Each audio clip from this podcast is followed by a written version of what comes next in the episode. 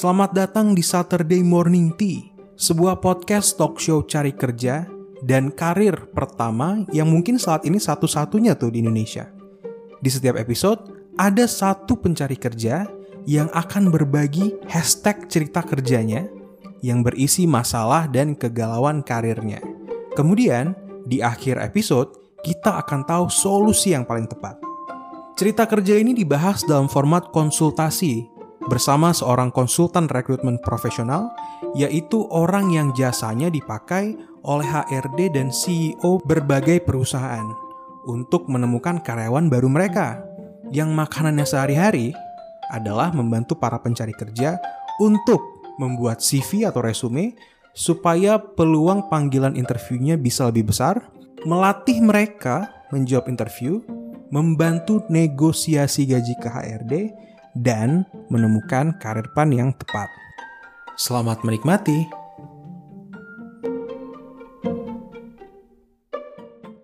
Halo, selamat pagi teman-teman. Kembali lagi di program Saturday Morning Tea with me, always Gilman Amri, and a glass, not a cup, but a glass of tea. Hmm, it's hot tea.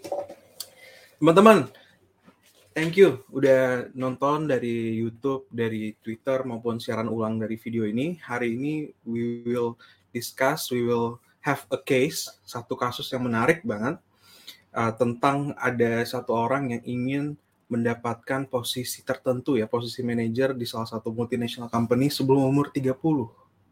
Gimana caranya? Kemudian pertanyaan-pertanyaan lainnya sih yang bakal terjadi, bakal bakal ada menyambung dari jawaban tadi, jawaban pertanyaan tadi. Bagi teman-teman yang sudah nonton, silahkan dibagikan link ini ke teman-teman yang lain. Dan bagi teman-teman yang pertama kali menonton Saturday Morning Tea itu apa? Saturday, Saturday, Saturday Morning Tea itu apa sih gitu ya? Jadi ini adalah program Q&A, basically ini web talk show ya, program tanya jawab, tapi juga ada bentuk konsultasinya gitu tentang seputar cari kerja dan karir. Jadi kalau teman-teman punya pertanyaan, punya keresahan, punya kegalauan ya, silahkan uh, mendaftar menjadi peserta Saturday Morning Tea di sini karena nanti bakal setiap di setiap episode akan ada satu orang yang beruntung ya yang diundang ke sini di program ini kemudian uh, kita bisa ceritain dia bisa ceritain apa masalah kerjanya dan nanti saya bakal kasih perspektif dari seorang konsultan rekrutmen. Orang yang biasa memang di hire sama HRD sama CEO gitu ya untuk mencari kandidat atau calon karyawan yang paling tepat buat dia gitu. Jadi saya bukan HRD teman-teman ya, saya adalah konsultan rekrutmen uh, yang kerjaan hari-harinya memang buatin CV buat kandidat. Karena majority of the candidate job seeker itu mempunyai CV yang uh, kurang relevan dengan apa yang di di apply ya. Kemudian bantuin briefing interview sampai negosiasi gaji bahkan sampai masuk hari H gimana caranya supaya dia bisa dipromosi nantinya supaya bisa do the work uh, dengan baik dan lain-lain gitu. Jadi itu memang kerjaan sehari-hari saya. That's why um, mendapatkan perspektifnya kalau dari saya itu lumayan lumayan oke okay lah dan banyak juga yang um, terbantu dari situ. Jadi silahkan teman-teman kalau punya kegalauan masalah kerja atau karir, daftar aja di www.gilmanamri.id atau kalau misalnya punya temen nih yang punya yang punya kegalauan seputar karir dan cari kerja, rekomendasi nonton ini dulu. Habis itu nanti uh, ajak juga untuk daftar di sini supaya bisa ikutan di acara ini.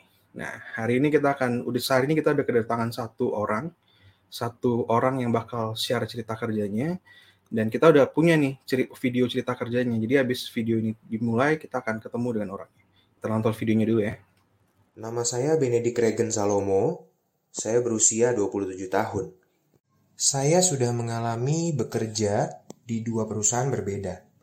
Keduanya saya dapat bukan karena saya semata-mata apply, tapi ada orang yang merekomendasikan saya untuk dapat pekerjaan tersebut. Saya juga coba apply di perusahaan lain, baik sebelum maupun sesudah bekerja di dua perusahaan tersebut. Tapi hanya satu yang memanggil dan itu pun tidak goal. Asumsi saya karena permintaan gaji saya yang terlalu tinggi. Saya ingin sekali bekerja di Unilever sebagai Quality Control Manager atau Packaging Specialist atau Quality Packaging Manager karena saya cukup ahli di sana. Saya punya salah satu target, yaitu sebelum umur 30 saya sudah memiliki tempat kerja tetap dengan gaji di atas 25 juta. Maka dari itu saya butuh konsultasi ini agar saya bisa merintis karir yang lebih baik lagi dari pekerjaan saya sekarang. Adapun beberapa hal yang ingin saya tanyakan ke Mas Gilman juga. Yang pertama, bagaimana cara membuat CV agar menarik perhatian recruiter? Lalu bagaimana cara menjual kemampuan dengan baik tidak sombong tapi tidak rendah diri juga pada saat uh, interview. Faktor X apa yang rekruter lihat saat mencari talent? Lalu bagaimana membangun personal branding yang baik di LinkedIn atau sosial media lainnya? Lalu bagaimana cara offering gaji yang baik? Dan yang terakhir, bagaimana kita bisa tahu yang mereka tawarkan adalah penawaran maksimal? Oke, okay. very complete question ya, Mas Benedik ya. Halo Mas. Masih di mute Mas. Kita di coba di unmute dulu. Di, di biasa panelnya tuh dari di bawah, kemudian ada gambar mic, mikrofon, nanti ada mute, tekan dulu tuh unmute. Oke, oke, oke. Udah, nah, Siap. Sorry, sorry, sorry tadi ada ini agak ngelek tadi. Sorry, sorry. No problem, okay. no problem technical technical issues mah sering apalagi kalau online ya. Iya. Mas Benedik di rumah ya nih ya? Di rumah, di rumah. Ini thank you banget Mas Gilman udah ngasih kesempatan ini bener-bener appreciate banget sama nggak nyangka banget sih kayak ini serius nih gitu. ya yeah, it's my pleasure. Kasusnya unik banget nih dan dan banyak dan yang lain nggak banyak nanya ke saya tentang hal ini Mas Benedik. Jadi Um, okay. Makanya ini very very interesting question dan kita bakal kupas satu persatu ya pertanyaan yang tadi dari mulai kegalauan yang paling ultimate, ya, yang paling mendasar, gimana caranya bisa masuk ke dalam satu perusahaan MNC sebelum umur 20 eh sebelum sebelum umur 30 ya. Berarti sekarang tadi berapa? 27 ya? Sekarang 27, sekarang 27. Kenapa sih harus masuk Unilever, Mas? Karena gimana ya? Uh, sebenarnya sih uh, memang kalau nggak di Unilever ya minimal MNC company lah. Tapi kenapa berat di Unilever karena Unilever kan punya produk yang sangat luas ya. Diversifikasi produknya juga sangat baik sekali Unilever. Jadi uh, pengen banget belajar setiap setiap produknya itu apa aja sih yang mereka jual, terus bagaimana sih mereka uh, menjual produk-produknya dengan packaging-packaging tertentu gitu kan, dengan strategi marketingnya seperti apa, terus segala macam. Sebenarnya posisi yang tadi saya ceritain di awal gitu ya, hmm. itu sebenarnya posisi yang saat ini saya uh, mungkin sudah berkecimpung lama di sana gitu ya Mas Gilman ya. Tapi sebenarnya nanti ke depannya pengen lebih tahu lagi, pengen ngegali lagi sebenarnya posisi yang strategis untuk apply di perusahaan MNC itu apa sehingga bisa uh, apa, apa namanya peluang karir untuk naiknya tuh lebih bagi lebih bagus gitu sebenarnya gitu sih. Oke, okay. kalau sekarang berarti um, yang saya lihat Mas Benedict ini sebagai QA manager ya di satu perusahaan ya. Iya. Yeah. Uh -uh, Apa sih pinnacle top paling tinggi dari QA manager kalau misalnya bertahun-tahun berkarir di sini? Apakah men, apa posisi paling tinggi dari karir seorang QA quality assurance ini? Sebenarnya sih kalau misalnya dilihat dari pengalaman-pengalaman saya sih, kalau misalnya QC atau QA manager itu memang ya mentok-mentoknya di situ. Di Kecuali ya? nanti uh, suatu saat mungkin akan ada kesempatan pindah ke manajer produksi. Nanti dari hmm. manajer produksi itu biasa bisa naik ke uh, general manager manufaktur atau apa. Nah, baru situ bisa naik lagi, naik lagi gitu. Itu kalau misalnya jalurnya yang ini ya, yang teknis kalau misalnya mau setir karir lebih ke bisnis mungkin bisa beda lagi. ah benar benar benar. Kalau Mas Benedik yang mana? Arah ke yang tadi sampai corporate leader sampai jadi GM manufacturer, director of operation misalnya, ya? atau uh, you want to build a business? Sebenarnya uh, di quality control uh, atau quality assurance ini sebenarnya kurang lebih kan kita bekerja sama uh, tim produksi juga ya. Jadi ya kurang lebih paham lah sama kondisi-kondisi di produksi. Mungkin eh, teknis-teknis segala macam ya kita kurang lebih 11-12 lah gitu ya. Makanya uh, pengen merambah juga sih, pengen memahami bisnis lebih dalam sebenarnya. Makanya ada rencana mau ngambil kelas-kelas kayak kelas bisnis, MBA segala hmm. macam gitu sih. Oh, that's very nice. Ya, yeah. karena zaman sekarang Mas Benedik perusahaan ya, despite it is multinational or not, mereka akan sangat-sangat appreciate dan akan merekrut orang yang mengerti business acumen ya. Jadi apa yang kita lakukan di perusahaan itu ap, apa kerjaan yang kita lakukan gitu di perusahaan kemudian memberikan dampak apa gitu secara bisnis. Iya, yeah. bukan uh, cuma profit and loss tapi ada hal-hal yang lain juga berkaitan dengan bisnis. Which is business acumen itu sangat-sangat penting dan 2030 2045 nanti salah satu yang paling penting skill yang harus ada di semua orang nih Mas Benedik. Itulah business acumen tadi. Jadi kita harus oh, tahu okay. sebagai karyawan kita nggak bisa berpikir sebagai karyawan aja gitu. Kita harus berpikir kalau misal gue kerjaan ini apa dampaknya bagi uh, bisnis yang gue gua lagi kerja sekarang gitu. Itu sih. Uh, I think that's a very good direction ya ke arah sana dan uh, this is very good case karena not not everyone itu mempunyai goals yang sudah ditetapkan gitu. Sedangkan kita tahu ya tujuan goals itu adalah memberi direction gitu kan. Your goal is to have a, a salary monthly salary 25 million, 25 million, 25 juta dan mungkin bekerja di multinational companies. Terutama di Unilever ya. Memang Mas Benedict di Unilever gajinya segitu sebagai QA manager. Nggak tahu.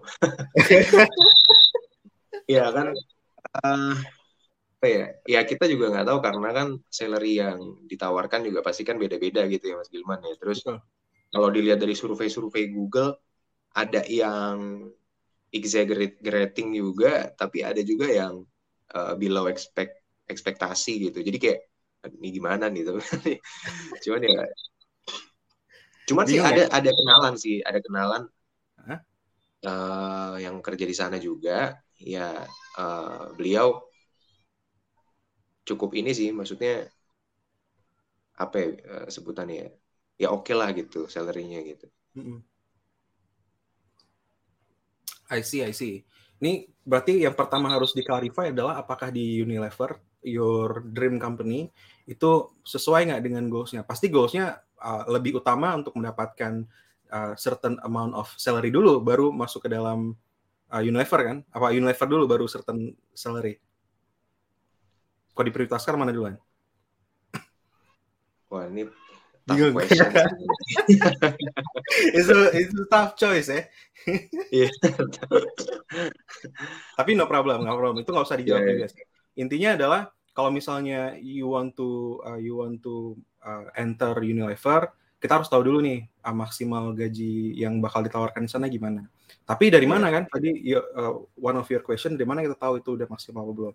Nah sebelum kita jawab kita bahas itu, uh, saya mau kasih tahu dulu nih kalau misalnya kita mau dapetin certain amount of uh, salary gitu kan, atau masuk ke dalam satu perusahaan yang uh, dream gitu, dream dream company, kita harus tahu dulu kualifikasinya, Mas Benedict.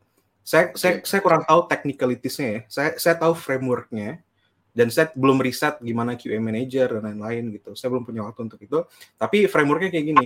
Yang dicari kalau kita mau masuk ke dalam satu perusahaan besar atau satu perusahaan yang kita tuju gitu. Pertama kualifikasinya dari segi skills dan value. Nah ada dua hal. Pertama skills ya. I believe you have the, the kind of skills. Tapi kita nggak tahu Mas Benedik kompetisi itu gimana gitu. Kompetitor itu gimana. Meaning kita harus punya plus gitu kan. Punya X, X factor ya Nah, di situ adalah value. Nah, praktikalnya gimana sih? Itu kan teori ya. Praktikalnya gimana? Kalau misalnya Mas Benedik ngelihat loker, lowongan kerja, job advertisement, misalnya di Unilever gitu. Kan ada tuh banyak deh. Uh, nah, saya ada saya ada cari nih tadi, tapi bukan Unilever Indonesia ya. Ini Unilever mana nih? Unilever I don't know di mana. Saya coba share screen. ini matanya agak-agak ke kamera oh. agak-agak ke buku gitu. No problem, no problem. Saya share screen dulu. Nah, ini ada QA manager um, Unilever ya, tapi nggak tahu nih Unilever mana nih. Ambil aja contoh ya. Kan ada job description ya, kemudian ada job requirement ya nggak sih?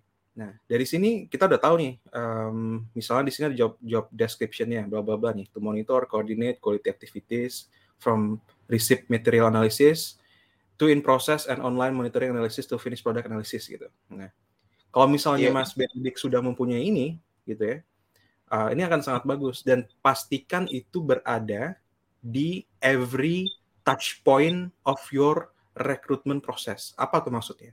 Di dalam CV atau resume, di dalam cover letter atau body email, di dalam interview gitu kan, da, uh, sampai ke negosiasi gaji Mas Mas Benedict. Ini oh. penting banget. Kemudian pastikan ini semua ada dan uh, Mas Benedict jangan kasih job description-nya karena itu tugas-tugasnya rekruter. Mas Benedict kasih hasilnya apa? Hasil dari sudah mengkoordinate quality activities from receipt material analysis oh. sampai bla bla bla segala macam ini apa gitu. Apakah menaikkan X apa berapa persen apakah bisa men-save uh, company's budget berapa persen gitu kan. Dan kita harus cari tahu nanti pas interview Mas Benedict apa yang paling dia atau mereka value dari situ. Dan okay. cocokkan itu dengan apa yang Mas Benedict sudah pernah lakukan. Nah, nanti kita bakal uh, pastikan ini diingat karena itu kita bakal bahas di negosiasi gaji nanti. Gitu. Kemudian, okay.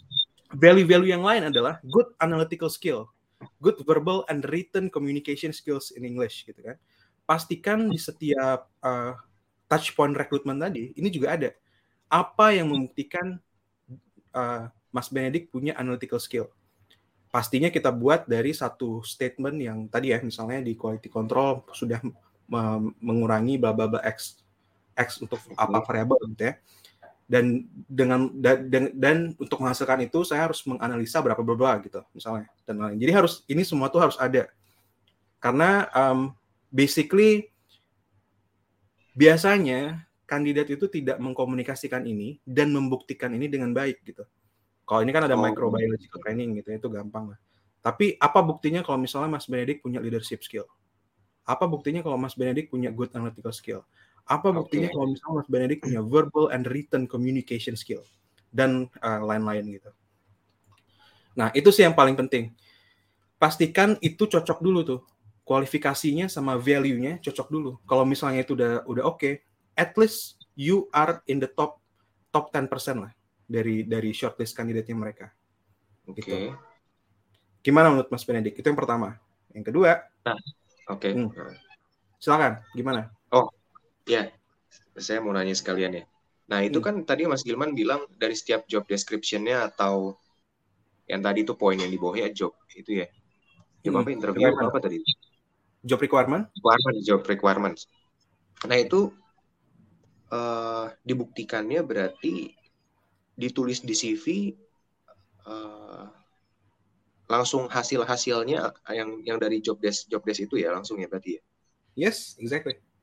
Jadi misalnya yang tadi Mas Gilman bilang kalau misalnya di sini menganalis uh, good analytical analytical thinking misalnya gitu ya. Jadi di yeah. CV-nya ditulis experience kita langsung gitu kan. Yes, melakukan analisa tadi, analytical things tadi. Oh gitu. Jadi kita nggak nulis nggak nulis exact kayak gitu ya. Jadi kayak di CV kan biasanya kan orang-orang gitu kan nulisnya kan kayak uh, kemampuan soft skill, uh, analisa thinkingnya bagus, leadershipnya bagus, komunikasinya bagus. Tapi nggak disertain buktinya. Tapi sebenarnya harusnya yang ditulis langsung buktinya aja gitu ya. Exactly, and that's answer your question, Benedict. Gimana caranya supaya nggak sombong ya? Kalau misalnya kita nulis kita punya good analytical thinking, uh, good analytical thinking, uh, you could uh, be perceived as bragging gitu. Hmm, ya ya ya, Jadi kita nggak bilang kita punya good analytical skill, kita kita buktiin ini yang pernah gue lakukan menggunakan analisa, skill analisa, dan ini hasilnya, dan ini konteksnya, gitu. Oke. Okay. Apakah ini valuable to your company? You judge gitu kan. Oke. Okay. Atau apakah my skill potentially be improved in your company? and your company will get the result. Oke. Okay. Gitu. Nah, cuman itu kan banyak ya Mas Gilman ya. Kayak hmm. Satu satu job aja, misalkan kita punya pengalaman uh, beberapa job gitu kan. Yeah. Nah, cuman untuk masuk ke job yang kita mau, hmm. nah itu kan kita harus ngebuktiin di CV atau di interview segala macem. Hmm. Nah, cuman kan kalau misalnya kita ikutin job description-nya untuk satu job yang baru ini nih, hmm. terus kita masukin ke CV itu kan bukannya terlalu banyak gitu ya Mas Gilman? Um, kita ambil tiga yang paling yang paling cocok sih, yang paling cocok dengan uh, job description uh, perusahaan yang kita apply. Jadi oh. yang paling major apa? Yang paling menghasilkan, baik lagi ya, business acumen, yang paling menghasilkan business impact itu yang mana? Hmm. Oke, oke, oke, I see, I see. Ah, jadi, um, tapi kalau itu di resume ya, tapi kalau di LinkedIn, just put all of your accomplishment. Iya, kalau LinkedIn semua semuanya ya, oke, oke. Iya, kalau di LinkedIn, uh, tulis aja semua accomplishmentnya. Tapi kalau di resume kan, recruiters doesn't have any more time gitu ya, many times yeah, to you your uh, resume gitu, your profile. Jadi tulis saja yang paling menghasilkan impact gitu, menghasilkan business impact terutama. Biasanya tiga itu udah cukup sih, tiga atau empat udah cukup. Oke. Gitu. Udah lagi? Itu dulu deh so far.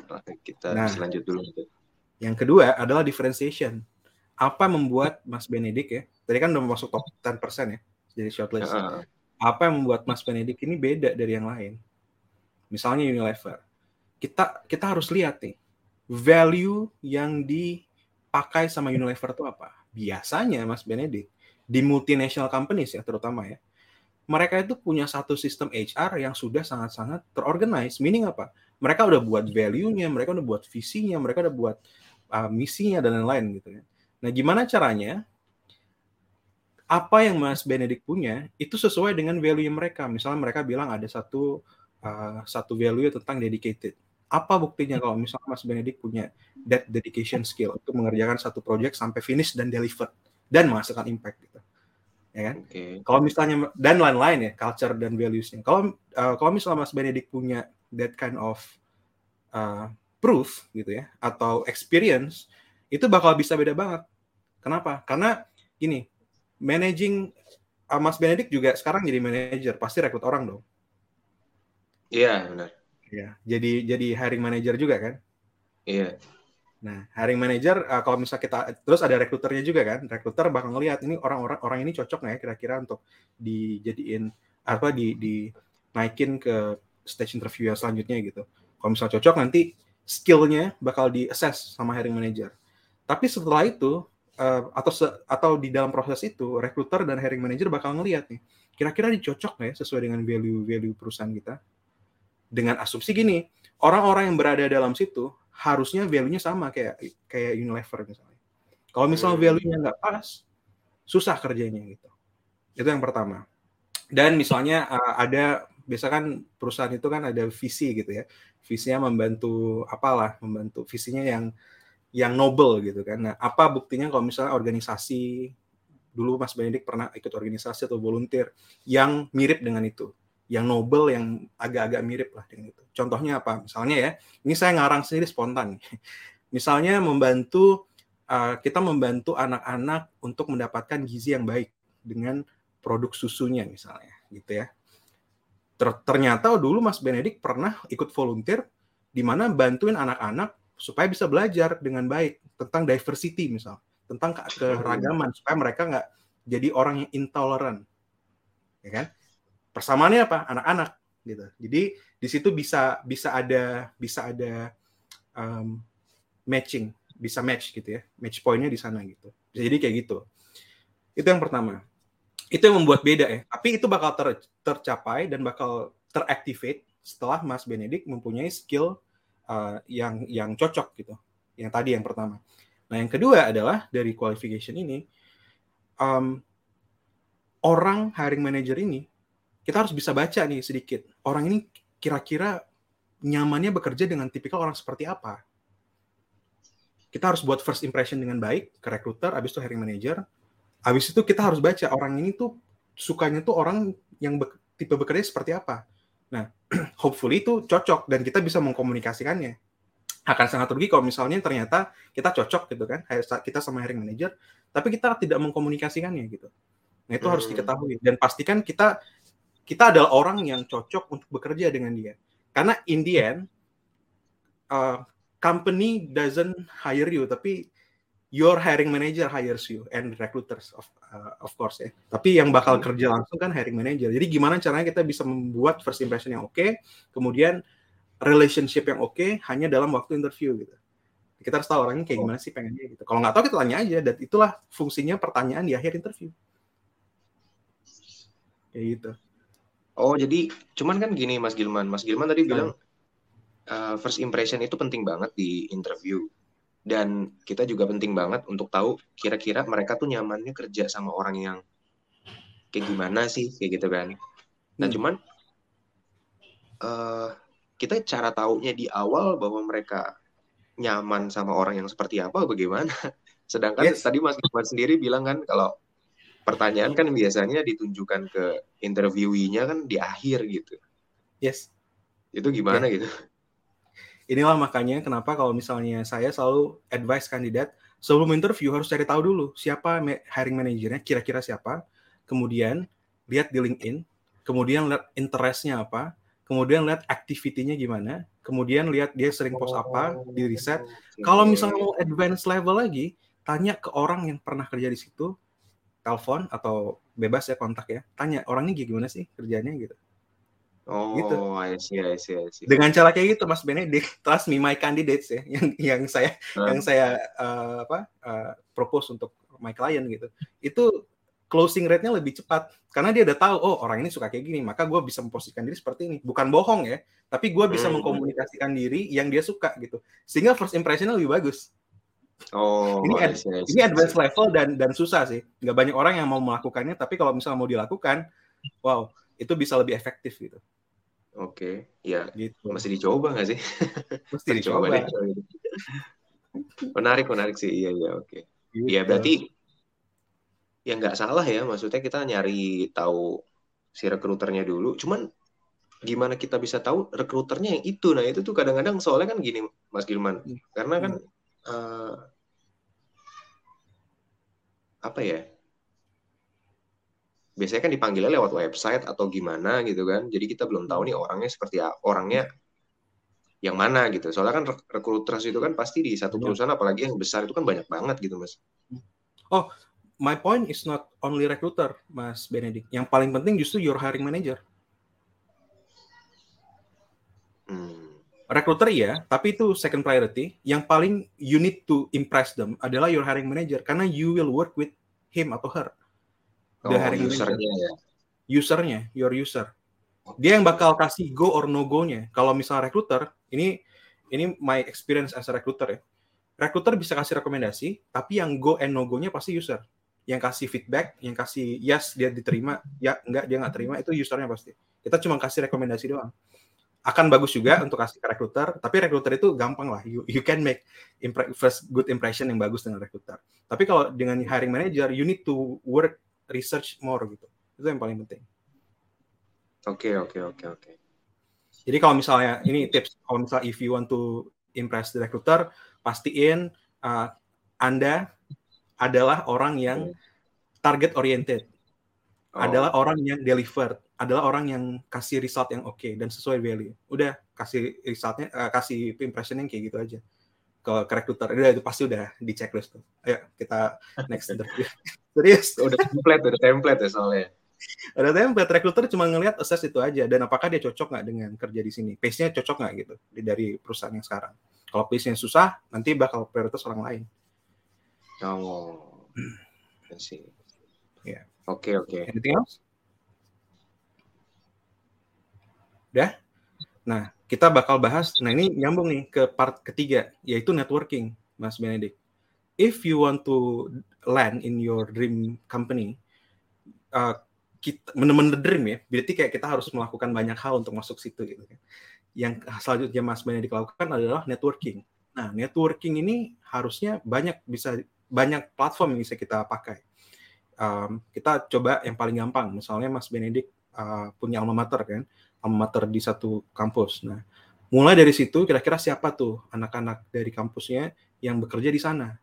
No matter dia satu perusahaan, satu divisi atau enggak, uh, deketin dulu. Maksudnya start the conversation.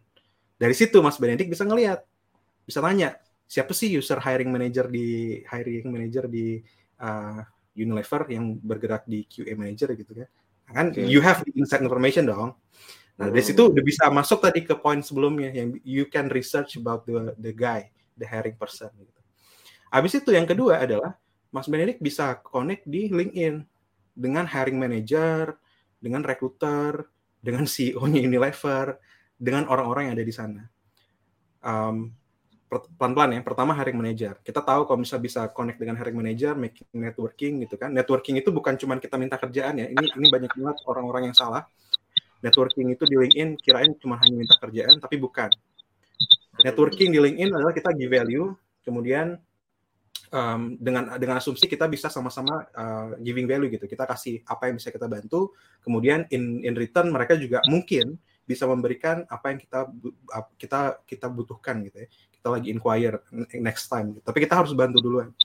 Nah kita harus cari tahu nih, misalnya uh, hiring manager gitu, dia apa sih kan Mas Benedict juga sering ya melakukan kegiatan uh, quality manager, ya, quality assurance manager ya. Apa sih yang biasanya masalah yang paling susah dari dia gitu? Misalnya gitu, ini nggak usah dijawab ya, rhetoric question. Kemudian ketika connect dengan dia, tawarkanlah itu masalah, masalah yang sering dia alami gitu. Atau kalau misalnya rasanya saya punya masalah dia nggak punya masalah gitu nggak apa-apa kita connect aja dulu kemudian start making conversation yang kedua sama recruiter kalau sama recruiter kita nggak langsung minta kerjaan mas Benedik yang kita lakukan adalah oke okay, recruiter ini kita lihat nih lagi nyari posisi ini maka kita akan mereferensikan our friend to the recruiter Tujuannya apa? Tujuannya bukan langsung Mas Benedik dipanggil jadi QA manager untuk di proses rekrutmen, enggak. Tapi supaya Mas Benedik diingat ketika ada posisi QA manager terbuka, dia akan ingat, oh dulu gue pernah dapat referensi posisi lain dari satu orang, dia tuh QA manager. Nanti gue carilah di LinkedIn gitu. Akhirnya you will be top of mind gitu kan. Dan you will dengan harapan Mas Benedik akan diproses duluan dibandingkan yang lain. Meaning apa? Sebelum posisi itu dibuka keluar ke LinkedIn, ke job portal, ke website, dia akan cari orang-orang yang within their circle duluan. Salah satunya dengan harapan adalah Mas Benedik. Kenapa kayak gitu? Kenapa nggak harus langsung post aja di di, di mana-mana gitu? Karena rekruter itu punya KPI, semua punya KPI, semua punya target dong. Target kita adalah gimana caranya posisi yang terbuka itu closing lebih cepat. Gitu kan? Oh. Kalau misalnya ternyata within our close range itu sudah mempunyai kandidat yang cocok, why don't we put our effort, extra effort to spread the information to other channels gitu kan? Tapi kalau misalnya kira-kira within our network tidak ada, baru kita masukin atau in parallel gitu. Itu dengan harapannya kayak gitu. Kemudian yang ketiga, dengan orang-orang lain, manajer-manajer lain selain QA manager. Fungsinya untuk apa? Ya untuk tahu aja gimana culture di sana, gimana kerjaan di sana, sehingga pas interview nanti you can curate your answer based on their uh, discussion gitu, based on your discussion with them. Itu sih. Jadi networking itu penting banget. Part networking gimana? Nah, untuk yang networking ini sebenarnya menarik banget sih, Mas Gilman. Hmm. Um, karena ini bisa memperluas kenalan juga segala macam. Kita bisa tahu lebih dalam bagaimana kondisi perusahaan di sana berdasarkan orang-orang yang langsung bekerja di sana. Cuman begini, uh, ada kekhawatiran ketika kita mau in touch gitu ya sama orang-orang tertentu yang kita targetin gitu. Hmm. Itu tuh uh, we don't have skills to open a good conversation gitu. Oke. Okay. Jadi kayak takutnya malah kayak so kenal so deket atau malah dicurigain ah ini kayaknya bakalan jualan minta kerja nih atau apa nih kayak gitu. Jadi kayak padahal mah sebenarnya kita mau ya ngobrol aja gitu. Cuman um, memulainya gimana soalnya kan uh, banyak sekali gitu ya praktek-praktek yang seperti itu sehingga ngebuat orang yang sebenarnya tulus pengen nanya malah dicurigain gitu kan. Hmm. Gitu. Yes. Um, sebenarnya banyak sih Mas Benedict tips uh, networking di luar sana. Tapi yang selalu saya pakai adalah, um, ntar saya sebelum sebelum kita masuk situ, tugas saya sebagai konsultan rekrutmen adalah making network, making network, more network. Kenapa? Karena everyone, everybody in this world itu adalah my client. Misalnya kayak Mas, Mas Benedict nih, Mas Benedict could be my client. Kenapa? Karena let's say I have one I have one uh, HRD gitu kan, yang mau mencari seorang quality manager. Terus okay. saya ketemu Mas Benedict, saya bisa propose dong ke Mas Benedict. Ini ada orang uh, uh, Mas Benedict ini ada perusahaan yang oke. Okay. Saya bisa propose perusahaan uh, perusahaan HRD ini ada orang yang oke okay nih, namanya Benedict. Okay. Kemudian let's say ada Mas Benedict udah jadi direktur operation nanti. Mas Benedict punya orang, eh punya punya apa? Punya requirement, punya punya hmm. kebutuhan rekrutmen, maka Mas Mas Benedict bisa jadi klien saya kan. Jadi semuanya adalah my client gitu. Could be my hmm. prospect professionally ya.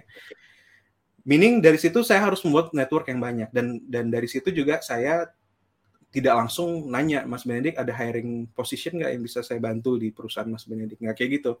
Biasanya yang saya lakukan ini based on my experience adalah um, kita punya mindset sebelum kita melakukan apa pun kita harus punya mindset kan? Karena mindset itu bisa mempengaruhi apa yang kita lakukan apa yang kita katakan dan gimana cara kita bertindak ya.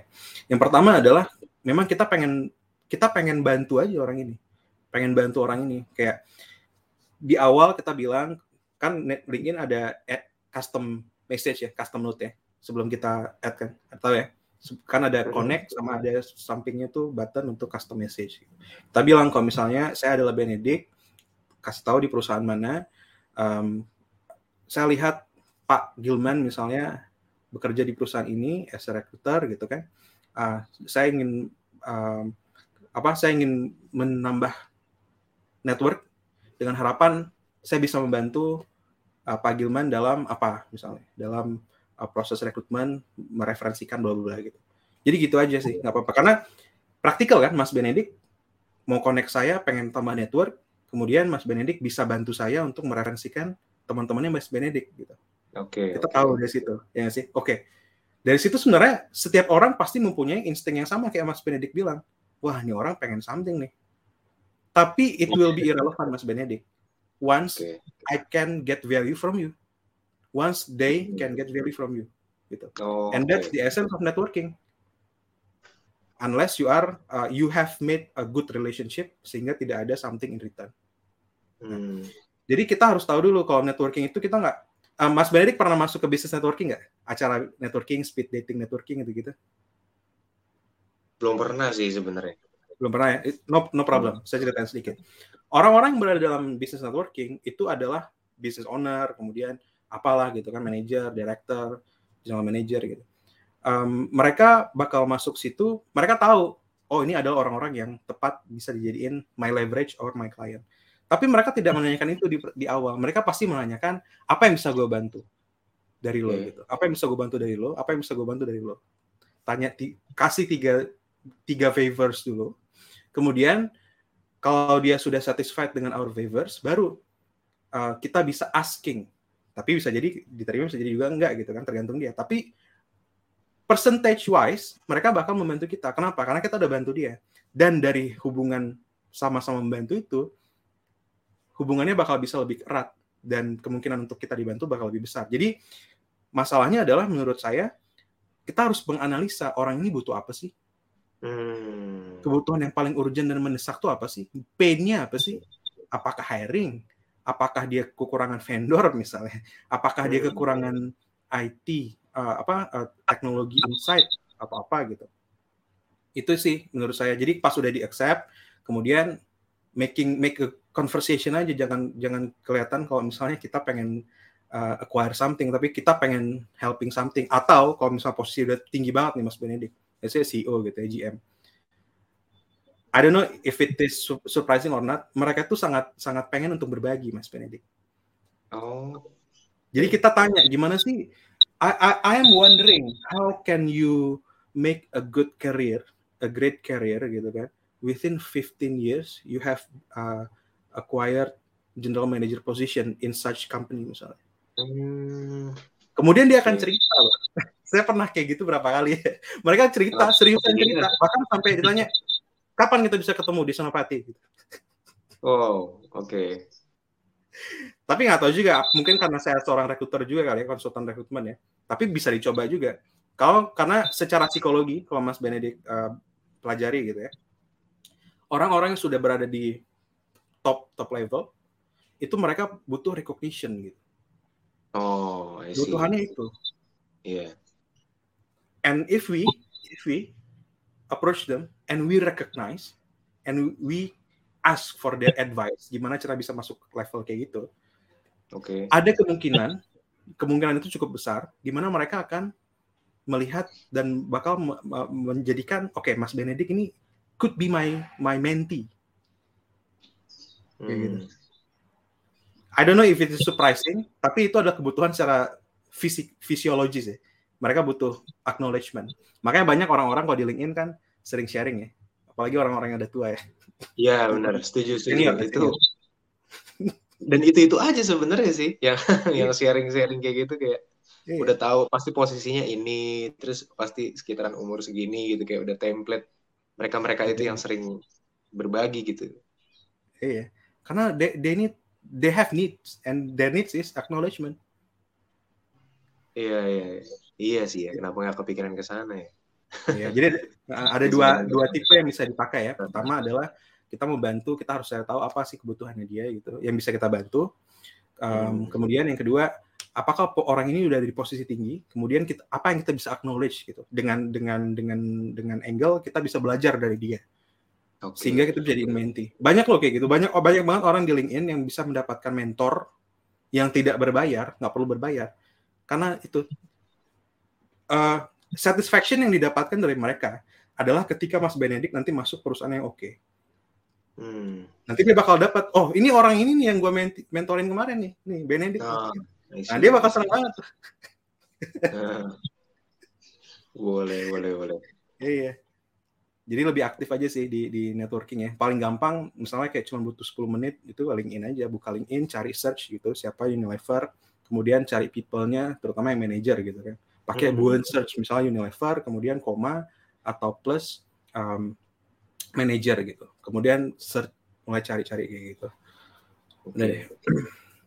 itu networking. Uh, kemudian yang yang selanjutnya adalah exposure Mas Mas Benedict um, kalau misalnya Mas Benedik punya skill dan I believe your skill uh, is good gitu ya, is uh, ahli gitu di, di di di industri tersebut di posisi itu, maka kita harus menambah exposure supaya orang lain bisa melihat kita punya uh, skill. Mereka bisa tahu kita sebelum mereka bisa melihat skill kita seperti apa. Nah, gimana caranya? Uh, like your question tadi gitu, exposure-nya harus ditingkatkan. Gimana caranya supaya Mas Benedik ini bisa exposure-nya ditingkatkan? banyak orang sekarang ngomongnya itu personal brand. Nah, itu masuk ke personal branding nih sekarang nih berarti. Eh, padahal sebenarnya um, tidak sepenuhnya itu personal branding. Personal branding dengan personal promotion itu sangat-sangat berbeda. Oh. Personal promotion kita mem, kita mempromosikan diri kita seperti apa. Saya Gilman Amri, saya adalah seorang konsultan rekrutmen saya sudah saya sudah menghasilkan lebih dari 3 miliar revenue untuk perusahaan saya karena saya sudah merekrut lebih dari 10 posisi senior eksekutif dan sisanya adalah posisi-posisi lainnya gitu. Itu promosi. Personal promotion uh, bukan personal brand. Personal brand adalah apa yang Mas Benedik bilang tentang saya ketika saya tidak di ruangan. Apa yang orang lain bilang tentang saya itu adalah my personal brand dan bisa jadi uh, itu berbeda dan majority of the perception itu adalah my personal brand. Jadi personal brand itu bukan apa yang kita bilang, tapi apa yang orang nangkep. Nah, kebanyakan orang mensalahgunakan atau atau miskonsepsi antara personal branding dengan personal promotion. Dan mereka sering membuat personal promotion sebagai personal brand gitu. Nah, kalau misalnya mau exposure lebih lebih tinggi, uh, Mas Benedik harus punya target dulu. Mas Benedik mau dikenal sebagai seorang apa? Misalnya seorang quality assurance manager yang uh, deter, de, determinasinya tinggi, target oriented dan lain-lain dan karakter uh, personality-nya tuh orangnya yang fun misalnya atau yang asik lah yang warm gitu kan setelah itu setelah tahu setelah tahu mau seperti apa Mas Benedik dikenal translate itu menjadi aksi-aksi yang ada di dunia nyata dan di dunia maya. Dunia maya itu misalnya di LinkedIn gitu ya. Atau di ya LinkedIn lah. Kita nggak usah bilang yang lain dulu. Postingan seperti apa yang bisa membuktikan kalau Mas Benedik adalah seorang quality manager yang handal dan approachable atau warm tadi ya. Maka Mas Benedik bercerita di sana. Gimana ceritanya dulu punya masalah, terus masalah itu terselesaikan dan apa yang bisa orang lain pakai kalau misalnya mempunyai masalah yang sama gitu. Uh, tapi kasih sedikit unsur kalau Mas Benedik ini juga di dalam ceritanya itu approachable dan ketika ada orang yang nanya Mas Medik juga jawab gitu. Nah dengan cara itu kesan yang diberikan adalah wah ini orang memang leadership top leadership di bidang quality assurance manager dan dia gampang untuk di approach maka dia lebih ramah. Kalau misalnya banyak orang di in your field yang terbantu gara-gara your insight atau your experience, maka akan ada word of mouth. Okay. Word of mouth itu akan sebar, tersebar, tersebar. Eh, lu punya masalah ini. Gue dulu gue kemarin lihat post nih. Kok nggak salah namanya Benedict deh di LinkedIn gitu. Coba lu lihat deh postnya dia. Kayak dia punya dia punya dia pernah punya masalah ini dan cara solusi dia tuh ah, gue nggak tahu gimana tapi coba lu lihat deh nah habis itu dia lihat oh ternyata oke okay. Dia, dia like terus kemudian dia tanya gimana sih caranya? Sebentar Mas Benedik jawab gitu. Akhirnya dia udah tahu oh dia udah punya kesan. Mas Benedik ini bisa pernah di sini dan lumayan jago lah di sini. Kemudian ternyata ada no dia punya teman gitu kan. Punya teman. Teman itu lagi cari hiring. Hiring lagi cari hiring satu QA manager. Karena dia udah punya kesan dengan Mas Benedik terus orang temannya ditanya lo punya temen nggak QA manager yang oke? okay, gitu oh ada nih. Gue nggak kenal deket sih tapi gue pernah nanya satu hal tentang dia dan ini oke okay, gitu. Coba coba uh, kontak nih orang. Dikasih lah profil LinkedIn-nya Mas Benedict kemudian dikontak. Nah itu itu itu exposure sesuatu yang kita buka okay. sehingga opportunity-nya tuh entah dari mana datang gitu. Second hmm. principle-nya ada gitu. Itu sih. Nah cuman tentang ini ini sebenarnya kalau misalnya saya lihat saya karena orangnya mungkin agak skeptikal ya. Jadi no jadi hal, hal seperti ini tuh pernah begini tuh mas. Jadi saya tuh pernah pengen ngepost something di LinkedIn. Uh-huh. cuman karena skeptikal gitu kan orangnya jadi kayak ah ini kata-kata begini tuh oke okay nggak sih? Terus ntar kalau misalnya orang lihat terus ternyata uh, ngelihat cara cara saya ngepost gitu kayak ini kok ngepostnya eh, nggak uh, oke okay, gitu. Jadi kayak orang malah mundur atau uh, sebenarnya masalah yang saya share di LinkedIn gitu ya atau di sosial media uh, walaupun ada solusinya sebenarnya itu adalah hal yang biasa gitu. Jadi kayak oh ya udah gitu orang cuma kayak lewat doang gitu. Nah itu hmm. hal-hal itu yang ngebuat uh, jadi salah satu penghambat juga sih sebenarnya penghambat itu diri, diri sendiri malah ya. Cuman ya mau ngelakuin gimana itu uh, gimana? Ya mau mau mau mau nge-share hal-hal itu tuh kayak uh, apakah ini valuable enough atau apakah ini uh, yang dibutuhkan sama orang-orang gitu. Jadi kayak kayak gitu sih. Ya. Yeah. takut jadi bumerang yeah. gitu maksudnya. Takutnya bumerang ya? Nggak apa-apa. Uh -uh. I think it's it's good thinking karena critical thinking itu sangat penting ya. Dan ini baik lagi in your case harus disesuaikan. Kalau menurut saya pribadi our expertise itu bisa jadi another person weakness. Dan kita nggak tahu itu gimana. Kita nggak punya data kita nggak punya data um, yang besar data semua QA manager semua perusahaan yang melakukan QA gitu kan quality packaging misalnya.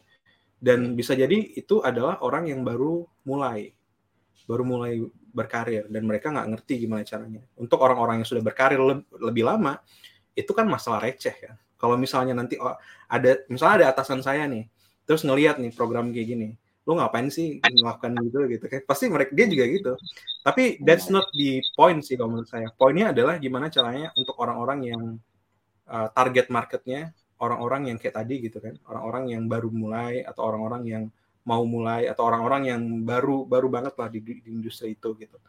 Kemudian gimana caranya supaya post kita available atau apa yang kita bagikan available bagi mereka lebih ke sana sih. Untuk orang-orang yang pastinya kayak if you ta if your target adalah orang yang sama sebaya dengan Mas Benedik atau bahkan lebih tinggi your post will will mean little less valuable for them. Tapi if hmm. if your if your post targeted to their subordinate their subordinate karyawannya mereka it will probably most probably will valuable for them jadi balik lagi, um, kalau misalnya exposure-nya Mas Benedik itu adalah untuk orang-orang subordinate mereka gitu kan, itu bakal lebih targetnya lebih bagus. Dan dan itu kan lo, menurut saya itu logika aja karena mereka belum belum punya experience yang banyak, kemudian mereka tidak dikasih tanggung jawab yang tinggi juga di perusahaan sekarang untuk masuk perusahaan kayak gini gitu. Jadi dengan itu um, itu first principle-nya itu yang langsung terjadi. Second principle-nya adalah kesan yang dibentuk adalah wow, Mas Benedict really really love his job. Sampai dia nge-post. Walaupun banyak orang lain yang nggak ngepost gitu kan merasa ini unvaluable gitu. Tapi dia benar-benar suka dengan dengan pekerjaan dia. Dan dia uh, ini dia apa namanya dia sampai post dan bagi untuk orang-orang yang baru berkarir gitu. Dan itu bisa jadi kesan yang bagus mas Benedict tapi balik lagi ya you you it is your call untuk melakukan ini karena ini ini bukan hal yang mudah untuk melakukan personal brand gitu butuh konsistensi. Um, kalau misalnya Mas Benedict bisa melakukan itu maka you will be perceived probably ya as one of the top leader. Meaning apa? Segala macam yang Mas Benedict dapatkan Mas Benedict bisa ceritakan dan Mas Benedict bisa ajarkan sehingga ada orang lain yang lebih mengerti dan Mas Benedict bakal dipersif sebagai orang yang mau sharing gitu. Hmm. Dan apakah itu menjadi sebuah value yang membuat Mas Benedict berbeda dengan orang lain untuk masuk dalam satu perusahaan? Pastinya perusahaan pengen mau, pengen dan mau orang-orang yang bisa menjadi leader dan bisa mengajarkan orang dengan baik dan bisa sharing dengan baik, bukan leader yang oh yang penting gue kelar, gue tahu udah gitu. Jadi kayak gitu. Nah, Tapi balik lagi ya, not all company kayak gitu. Dan kita harus hmm. tahu gimana perusahaannya gitu. Jadi it's your call sih Mas Benedict untuk melakukan personal brand ini. Nah karena personal mungkin benar juga sih yang tadi Mas Gilman bilang, karena uh, mungkin unconsciously ya, saya tuh mikirnya ini post bakalan dilihat sama uh, manajer-manajer sama top manager segala macam sama director gitu kan jadinya uh, ini tuh nggak boleh postingan asal-asalan atau postingan yang remeh gitu yang remeh ya dalam tanda kutip ya jadi kayak itu yang ngebuat saya agak-agak uh, takut untuk sharing sih padahal kalau misalnya dipikir bener juga sih Mas Gilman maksudnya ya kan nggak orang-orang kan nggak cuma itu aja isinya gitu kan dan bisa aja yang menurut kita sebenarnya simple tapi menurut orang lain tuh bisa berharga banget gitu. Iya sih itu tuh pelajaran banget sih buat saya sih. Jadi tentukan targetnya ya. Kayak kita nggak bisa puasin semua orang Mas Benedict. Tapi kita ya, bisa pilih satu niche, hmm, punya target gitu kan. Target orangnya gimana, kemudian kita fokus ke sana. Dan in my opinion ya, kalau misalnya Mas Benedict bisa sharing kayak gitu, kemudian ternyata banyak orang yang follow gitu, banyak orang yang terbantu. Your manager, your director, your HR will be will be glad. Kenapa? Karena itu bagian dari employer branding. Oh, iya juga sih. Gue ada ada karyawan gue yang bangga banget, yang suka banget dengan kerjaannya dan dia dia uh, ceritain gimana kerja di sini gitu. Dan ini Mas Benedict ini, orang karyawan ini itu adalah salah satu our employee gitu. Iya. Sekarang kayak gitu, Mas. Karena job seeker itu punya pilihan banyak untuk pindah perusahaan Makanya uh, employer brand ya dari segi kita bilang strategi gitu. Employer brand itu sangat-sangat penting zaman sekarang supaya orang-orang yang bagus, karyawan-karyawan yang bagus itu masuk ke perusahaannya dia. Nah, Saya rasa sih gitu. Ya, ya. Dalam waktu tiga tahun ke belakang itu yang terjadi mas. Makanya banyak banget kan orang-orang yang sharing gimana di perusahaannya. Ada, ada yang dibayar bahkan sama perusahaannya. Wow, oke. Okay. Semacam ambasador gitu. Iya, iya. Menarik juga ya. menarik, menarik. gitu. Ada lagi nggak uh, pertanyaan di networking? Cukup sih. Pengen penasaran uh, pendapatnya Mas Gilman soal interview, okay. terutama offering segala macam. Apa apa yang ini yang menjadi pertanyaan atau kegelisahannya? Uh, ini sih kayak sebenarnya setiap perusahaan tuh punya kan punya punya budget ya Mas Gilman ya, untuk hmm. hire hmm. orang gitu kan. Hmm. Di dan dan di posisi tertentu itu juga punya budget gitu. Nah, gimana caranya biar kita tuh sebenarnya bisa negosiasi uh, offering ini tapi bisa kita manfaatkan uh, sebaik mungkin gitu, semaksimal mungkin gitu offeringnya. Karena kan kita juga pasti kan nggak tahu budgetnya kantongnya perusahaan untuk posisi ini tuh berapa sih sebenarnya. Tapi kan yang kita bisa tahu hanya kita menjual diri sama ekspektasi kita aja berapa gitu kan. Siapa tahu ekspektasi kita malah masih di bawahnya perusahaan gitu. Hmm. Ya kan. Atau okay. ekspektasi kita malah mungkin ketinggian, jadinya kita nggak diterima atau gimana kan gitu. Benar. Oke, okay. good, very good question. Like you said, we never know their budget seperti apa karena it is sensitive information dan it, it is not wise to share them with the candidate, gitu kan. yang bisa kita lakukan adalah we test the water, kita dancing, kita kita dansa gitu, kita kita nari gitu. Kita kasih okay. satu satu gerakan, kemudian dia balas gerakannya kayak gimana. Kita kemudian dari gerakan itu kita balas lagi gerakannya. Dia balas kayak gimana. Yang bisa kita lakukan frameworknya kurang lebih dengan analogi yang sederhana seperti itu. Caranya gimana? Kalau misalnya ternyata Mas Benedik yakin punya gut feeling kalau perusahaan ini punya budget yang tinggi, maka ketika nanti ditanya ekspektasinya berapa, Mas Benedik minta lebih dari 30% dari gaji sekarang. Kalau misalnya Mas Benedik diminta gaji sekarang berapa? Pengalaman-pengalaman Mas Benedik pernah uh, ketika interview diminta nggak current salary berapa? Ditanya sih. Ditanya, ditanya kan? Kalau di luar itu sebenarnya ada ada berapa stage ya di di luar itu ilegal ditanya berapa current salary. Tapi di Indonesia itu sangat-sangat wajar. Tapi kita bahas Indonesia ya sekarang ya. Yeah. di Indonesia yeah, kalau misalnya yeah, ditanya current salary, iya uh, kalau ditanya current salary, mereka bakal melihat 30% increment, 50% increment, 50% increment itu sebagai hal yang tinggi. Kecuali posisi-posisi yang uh, spe spesial, misalnya kayak satu posisi itu tidak banyak kompetisi, tidak banyak job seeker yang ada.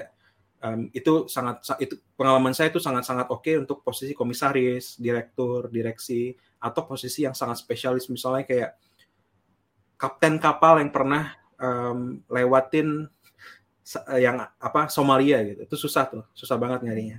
Dan itu sangat-sangat spesial dan gajinya luar biasa. Pas saya lihat berapa gajinya, Pak, ekspektasinya berapa tuh luar biasa. Yang ketiga adalah satu programmer yang mempunyai programming language yang sangat-sangat uh, langka di Indonesia. Dan bahkan kalau misalnya kita outsource dari luar, dari India, dari Filipina, dari Vietnam, itu harganya tinggi banget. Jadi mending pakai yang sekarang, yang di Indonesia tapi lumayan tinggi gitu. Sehingga current salary-nya bakal bisa lebih dua kali lipat, bahkan tiga kali lipat dari current salary-nya gitu. Itu bisa. Tapi balik lagi ya, itu adalah special case. Kalau in the general case, kita bisa minta 30% sampai 50% increment kalau misalnya kita tahu perusahaan ini adalah perusahaan yang punya budget yang tinggi. Kemudian dari situ kita lihat apa responnya dia. Wah, nggak bisa nih Mas Benedik. Uh, kita bisanya masuk ke uh, budget nggak masuk budget kita bisanya let's say X X salary itu cuman 10% misalnya. Nah, habis itu Mas Benedik coba kasih movement lagi, kasih pukulan lagi gitu kan, kasih tarian hmm. lagi. Gitu. Naikin sampai 15 persen, 20 persen atau 15 persen. Jadi kayak kita tahu nggak bisa nggak um, bisa sampai 30 persen, mereka tawarin 10 persen, kita naikin di tengah-tengahnya 20 persen. Kalau misalnya mereka masih nggak mau sampai 20 persen atau 15 persen tadi, maka Bas Benedik minta ini opsinya. Oke, okay, um, bentar, sebelum Mas Benedik minta, Mas Benedik harus tahu dulu value Mas Benedik apa. Nah, itulah pentingnya tadi kita tanya, apa target dari perusahaan ini di posisi ini, kemudian kenapa posisi ini, orang di posisi ini tuh keluar. Dan apa yang membuat posisi ini tuh menjadi posisi yang uh, nilainya tuh baik gitu. Di, di pertanyaan nanya kayak gitu. Karena kan salary negotiation tuh di tahap paling akhir ya harusnya ya. Yeah. Ketika kita tahu posisi ini tuh apa yang di value, kemudian kenapa orang ini keluar, kemudian uh, ya dua itu ya. Dari data dua itu, Mas Benedik masukin ke pengalaman yang Mas Benedik punya. Misalnya, let's say nyambung gitu kan dengan dengan yang um, value-nya uh, dan kenapa orang itu keluar karena let's say nggak punya uh, komunikasi yang bagus atau let's say nggak bisa manage uh, project dengan dengan organize atau let's say yang value yang paling tinggi adalah dia bisa menghasilkan 10% apa dia bisa men-save 10% budget lah I don't know gitu ya. Okay. Lalu Mas Bedik bilang pas negosiasi gaji tadi nanti di perusahaan sebelumnya selama saya bekerja saya saya pernah men-save lebih dari 10%, 15% dari budget tadi. Dengan dengan itu dan tambah dengan yang lain misalnya komunikasi oke okay, segala macam ya buktinya ya Kemudian dengan itu makanya saya uh, uh, ekspektasi saya adalah sekitar segini yang tadi 20% gitu kan dari current salary. Kalau misalnya nggak bisa, masih nggak bisa juga, maka Bas Mededik bilang kayak gini, oke, okay, give me six month or one year, let me prove it to you. Kalau misalnya oke, okay, bisa nggak saya naik gaji sampai 20%? Sekarang oke, okay, use your use your use your uh, offering 10% naik. Hmm. Tapi kalau misalnya enam bulan saya bisa bisa membuktikan ini bisa give your give give give the value to you, apakah saya bisa naik sampai 20% dalam waktu enam bulan atau satu tahun? Gitu. Itu opsi pertama yang bisa Mas Benedik uh, pakai. Opsi kedua, Mas Benedik mainin di benefitnya. Kan salary itu bagian dari compensation kan. Compensation itu ada salary dan benefit. Uh, benefitnya dinaik di dimainin misalnya cutnya dinaik dibanyakin atau punya budget untuk I don't know pulsa dibanyakin atau punya punya apa yang lain lah yang bisa di yang bisa dimainin di situ gitu um, di sananya. Tapi balik lagi ya it is it depend on your uh, needs gitu atau your your preference gitu di sana. Kalau misalnya masih juga nggak mau maka di situlah kita tahu oke okay, budgetnya segitu. Oke. Okay. budget paling tinggi dia segitu gitu. Nah jadi itu bakal works kalau misalnya Mas Benedict tahu your value dan Mas Benedict tahu apa yang mereka value dari posisi ini. Targetnya apa, KPI-nya apa, uh, kemudian orang yang terakhir bekerja di sini kenapa keluar gitu. Dan dari situ di curate untuk negosiasi gaji. Biasa saya gitu sih ketika ketika briefing kandidat untuk asal uh, negotiation gitu. Itu nggak apa-apa ya kita nanya begitu ya, maksudnya kenapa yang sebelumnya keluar gitu. Itu itu Etis kita nanya kayak gini. Kita nanya kayak gini Mas Benedik. Uh, saya, kalau saya boleh tahu posisi ini ini rhetoric question sih, tapi biasa gini. Hmm. Kalau saya boleh tahu posisi ini posisi baru atau posisi uh, ada atau ada orang yang keluar dari posisi ini. Kalau posisi baru berarti dia expand kan. Dia dia butuh satu line of line of uh, position, kemudian okay. orang ini bakal masuk. Kalau kayak gitu akan agak susah. Tapi hmm. kita, kita kita bisa mainin di value-nya. Kalau misalnya ada orang yang keluar, maka kita bilang, ah, kita tanya kayak gini, oh orang ini keluar ya. Ah, target dari target dari posisi ini tuh sebenarnya seperti apa gitu? Ah, apakah apakah targetnya um, harus mencapai sekian dan bagaimana caranya supaya saya bisa men, bisa deliver lebih dari orang yang tadinya di sana. Itu kan okay. mengkasih ini ya, kasih explicitly bilang kenapa orang ini kelu kenapa orang ini bukan langsung kenapa orang ini keluar tapi apa yang dia nggak suka dari orang ini gitu tapi kita nggak oh. pointing ke dia kita pointing apa yang bisa saya lakukan supaya saya bisa melebihi uh, uh, apa performance orang ini gitu I see I see oke okay. Gitu. jadi kita kita fokusnya ke kita supaya kita bisa tahu oke okay, gue harus siapin apa ini di perusahaan ini apa yang gue siapin dari skill knowledge bla bla bla gitu kan supaya gue bisa lebih bagus tapi kita nggak nanya orang ini kita nggak pointing dia jelek atau dia apa gitu. Nah, nanti kita lihat dari jawabannya dia gitu. Dan kesannya juga yang ditimbulkan baik lagi impressions itu adalah hal-hal yang tidak dikasih tahu yang tidak dibicarakan tapi orang yang nangkepnya seperti apa. Kalau misalnya kita bisa mengkomunikasikan bertanya seperti itu di art of questioning kayak gitu bisa jadi impression yang mereka nangkap adalah oh orangnya serius nih gitu kan. Delivered target oriented. Baik lagi yang tadi kita bahas di section uh -huh. awal ya bagian awal.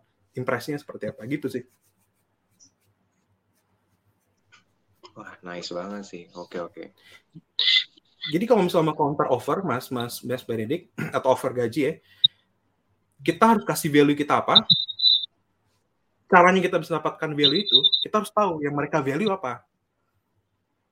Kemudian kita hmm. kasih bukti, kita sudah melakukan ini, atau kita potentially bisa melakukan ini lebih baik, atau at least sama, maka I deserve, atau saya propose gaji dari range sekian sampai range sekian gitu. Range sekiannya sampai range sekian kita dia 30%, 50%. Dengan minimum ekspektasinya mereka dapat 30%. Tapi kalau misalnya kita lebih dari 50%, possibility-nya tuh dikit banget Mas Benedict untuk naik increase 50%. Kenapa? Karena inilah di Indonesia gitu ya, tapi ini bukan hal yang bisa kita kontrol gitu. Kalau misalnya harusnya kalau misalnya memang Mas Benedict punya kemampuan yang oke okay, dan dia punya budget yang oke, okay, maka maka you deserve that the salary gitu. Tapi di sini mereka masih meminta berapa karena salarinya gitu. And that's the system that tricky gitu ya di, di Indonesia gitu. Kalau di luar, yes, iya I don't think, mm, I don't think di luar Jadi itu nggak gitu ya. Ngitungnya berdasarkan dia sekarang gaji sekarang aja gitu kan. Hmm. Iya, yeah, tapi yes. kita kalau misalnya saya ada juga yang tanya kayak gini ya ke saya sebelum Mas Benedik dulu. saya mintanya tuh lebih ke bonus sih. Jadi kita tahu value kita segimana, tapi kalau misalnya kita dapat dapat dapat dapat uh, KPI-nya sesuai KPI, kita dapat bonus gitu berapa persen. Paling gitu sih. Jadi di, itu kan mainin di benefit ya kata dia. Yeah. Benefit compensation ya. Gitu sih. Karena balik lagi business acumen wise kenapa harus ada QA? Kenapa sih saya juga kurang tahu ya. Nih please correct me if I'm wrong. Itu kan QA itu supaya tidak ada kesalahan-kesalahan terjadi sehingga bisa merugikan perusahaan ya. Kemudian hmm. proses yang ada bisa disederhanakan sehingga budget yang ada untuk proses sekarang itu bisa lebih uh, lebih efisien, lebih lean gitu ya. Itu yang pemahaman saya generally. Kemudian dengan itu maka mengurangi cost itu akan menambahin profit ya gak sih? Menambahin margin profit dan itu adalah business acumen hal yang bisa dijual ke recruiter. Kalau misalnya ternyata dari pekerjaan Mas Benedik ini telah terbukti bisa mengurangi cost dan eventually ya bisa menambahin profit. Itu nggak usah kita bilang itu tugasnya CEO maka itu yang menjadi hal yang harus dikasih tahu. Dan itu hal yang valuable buat perusahaan. Kenapa? If you can save satu miliar per tahun tapi you asking for 30 atau 50% increment dari sekarang I think it's worth it gitu ya. Hmm. Jadi kalau misalnya kita bisa ngelihat hitung-hitungannya, ya tadi Mas Benedict bilang, business acumen-nya, you will know your worth gitu. Dan you will know that, oke, okay, kalau misalnya gue bisa mengurangi satu miliar per tahun, terus gue cuma minta naikkan 50%, let's say 25 juta dikali 12 gitu kan, berarti berapa tuh? 300 sekian juta, 300 juta. Maka dia bisa mengurangi, uh, let's say 600, masih ada profit juga di dia 600 juta gitu kan. Dan yeah. itu ada budget untuk rekrutmen juga. Jadi I think it's worth it gitu. Nah, hmm. komunikasikan value itu ke si recruiter atau hiring manager. Itu sih.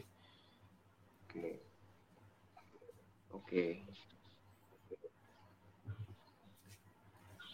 Dapat banyak banget sih. Ini insight-insight baru nih. Iya. Thank you banget Mas uh, Negosiasi gaji itu seru banget sih Mas Benedik.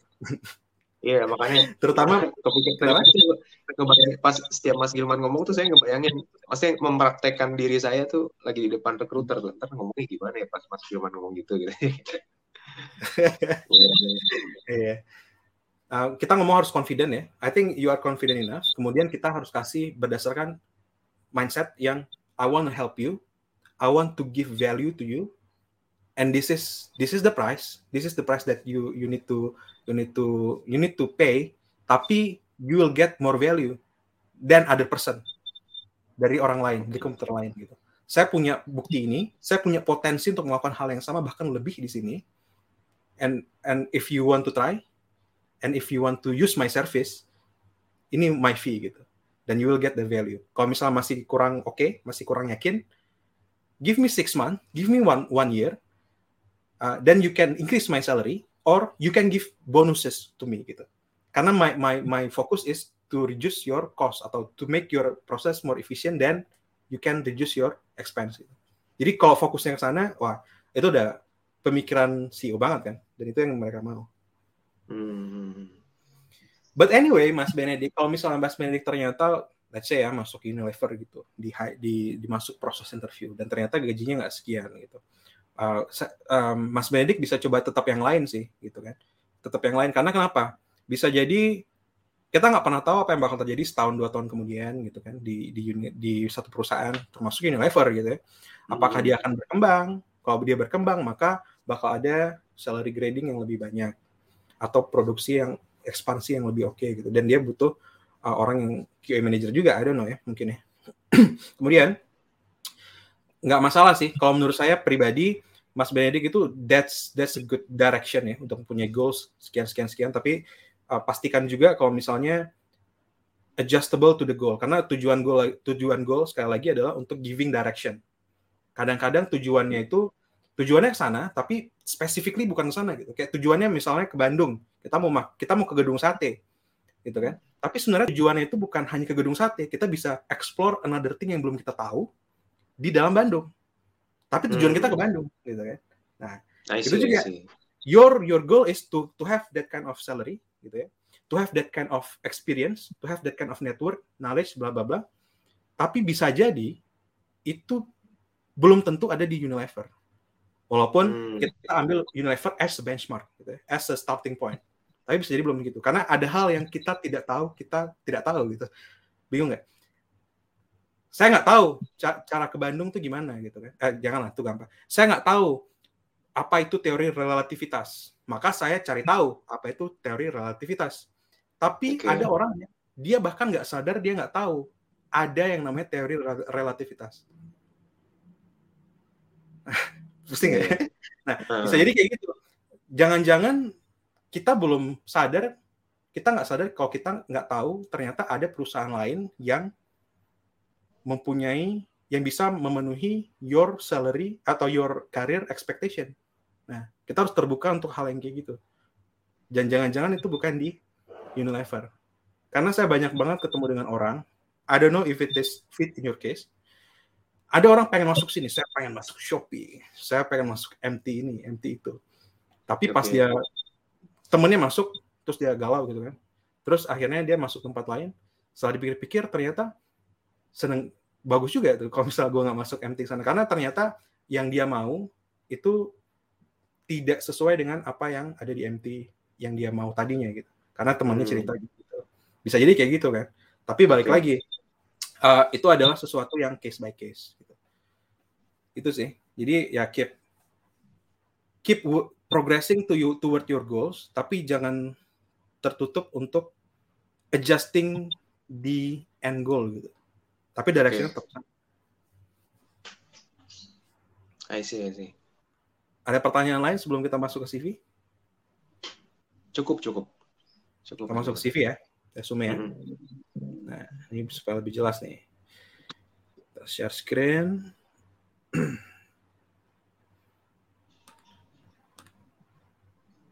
Oh ya tadi um, katanya Mas Benedik ini di, di refer ya direkomendasiin ke perusahaan-perusahaan yang Mas Benedik kerja sekarang bukan karena apply ya. Itu bagus banget. Gimana caranya Mas? Coba sharing dong ke yang lain.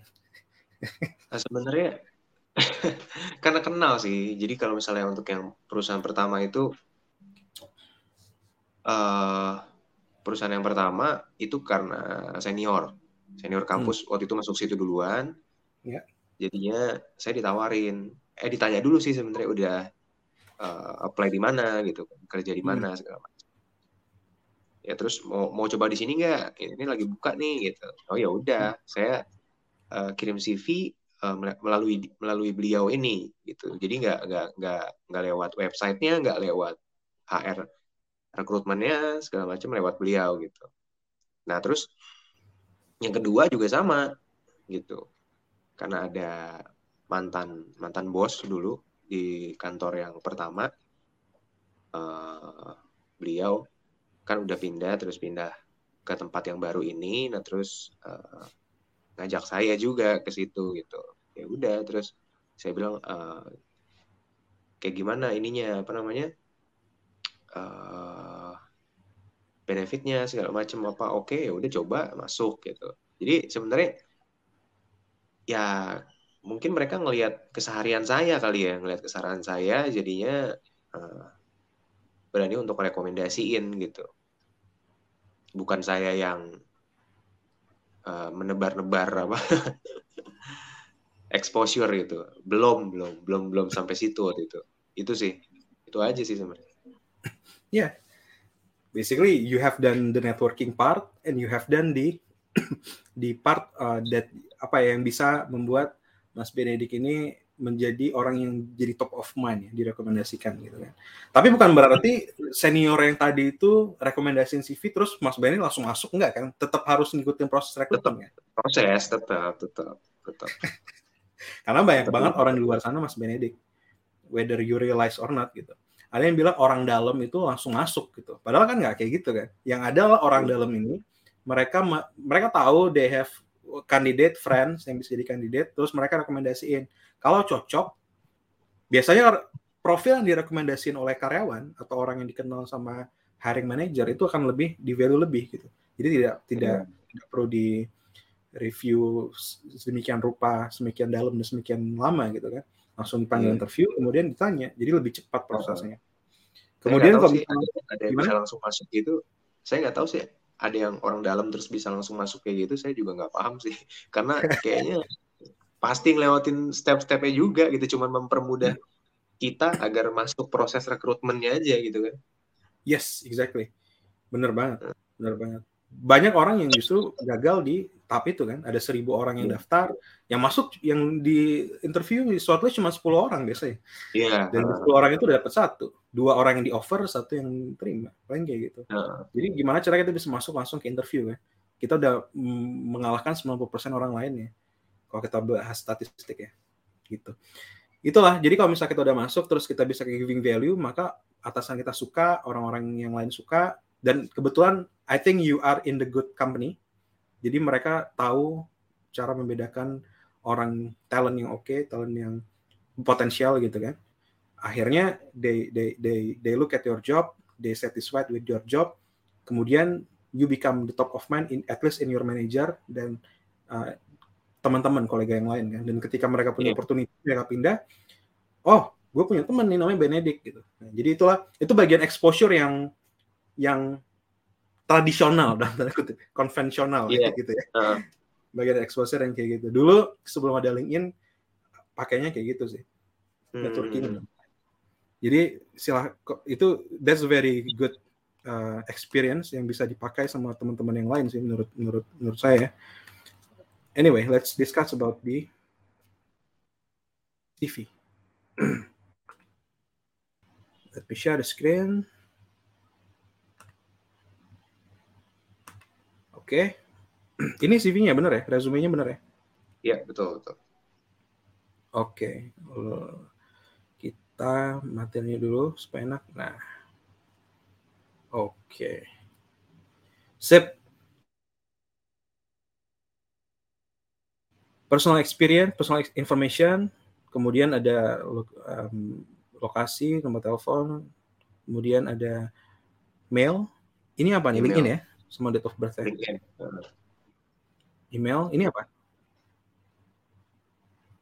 Oke okay lah. Personal iya. information, yeah. work experience, education, achievement activities, training, dan personal skills ya. Oke. Okay. Oke, okay. satu-satu. Uh, I think this is good uh, ada ada dua dua hal nih Mas Benedik. Kita bahas mengenai uh, foto dulu ya, foto. Ada orang yang ada beberapa sebagian rekruter yang bilang foto itu penting. Ada sebagian bilang nggak begitu penting. Mm-hmm. Kenapa? Karena kalau misalnya foto itu penting di awal itu bisa bisa menggambarkan orang ini presentable nggak di mata klien. That's why oh. itu akan sangat oke okay kalau misalnya melamar posisi yang front line ya atau yang hmm. front facing customer. Tapi kalau tidak, sebenarnya tidak ter, tidak front facing customer tidak terlalu perlu. Oke. Okay, Mas okay. Benedik ini nggak ada nggak ada foto ya? Nggak.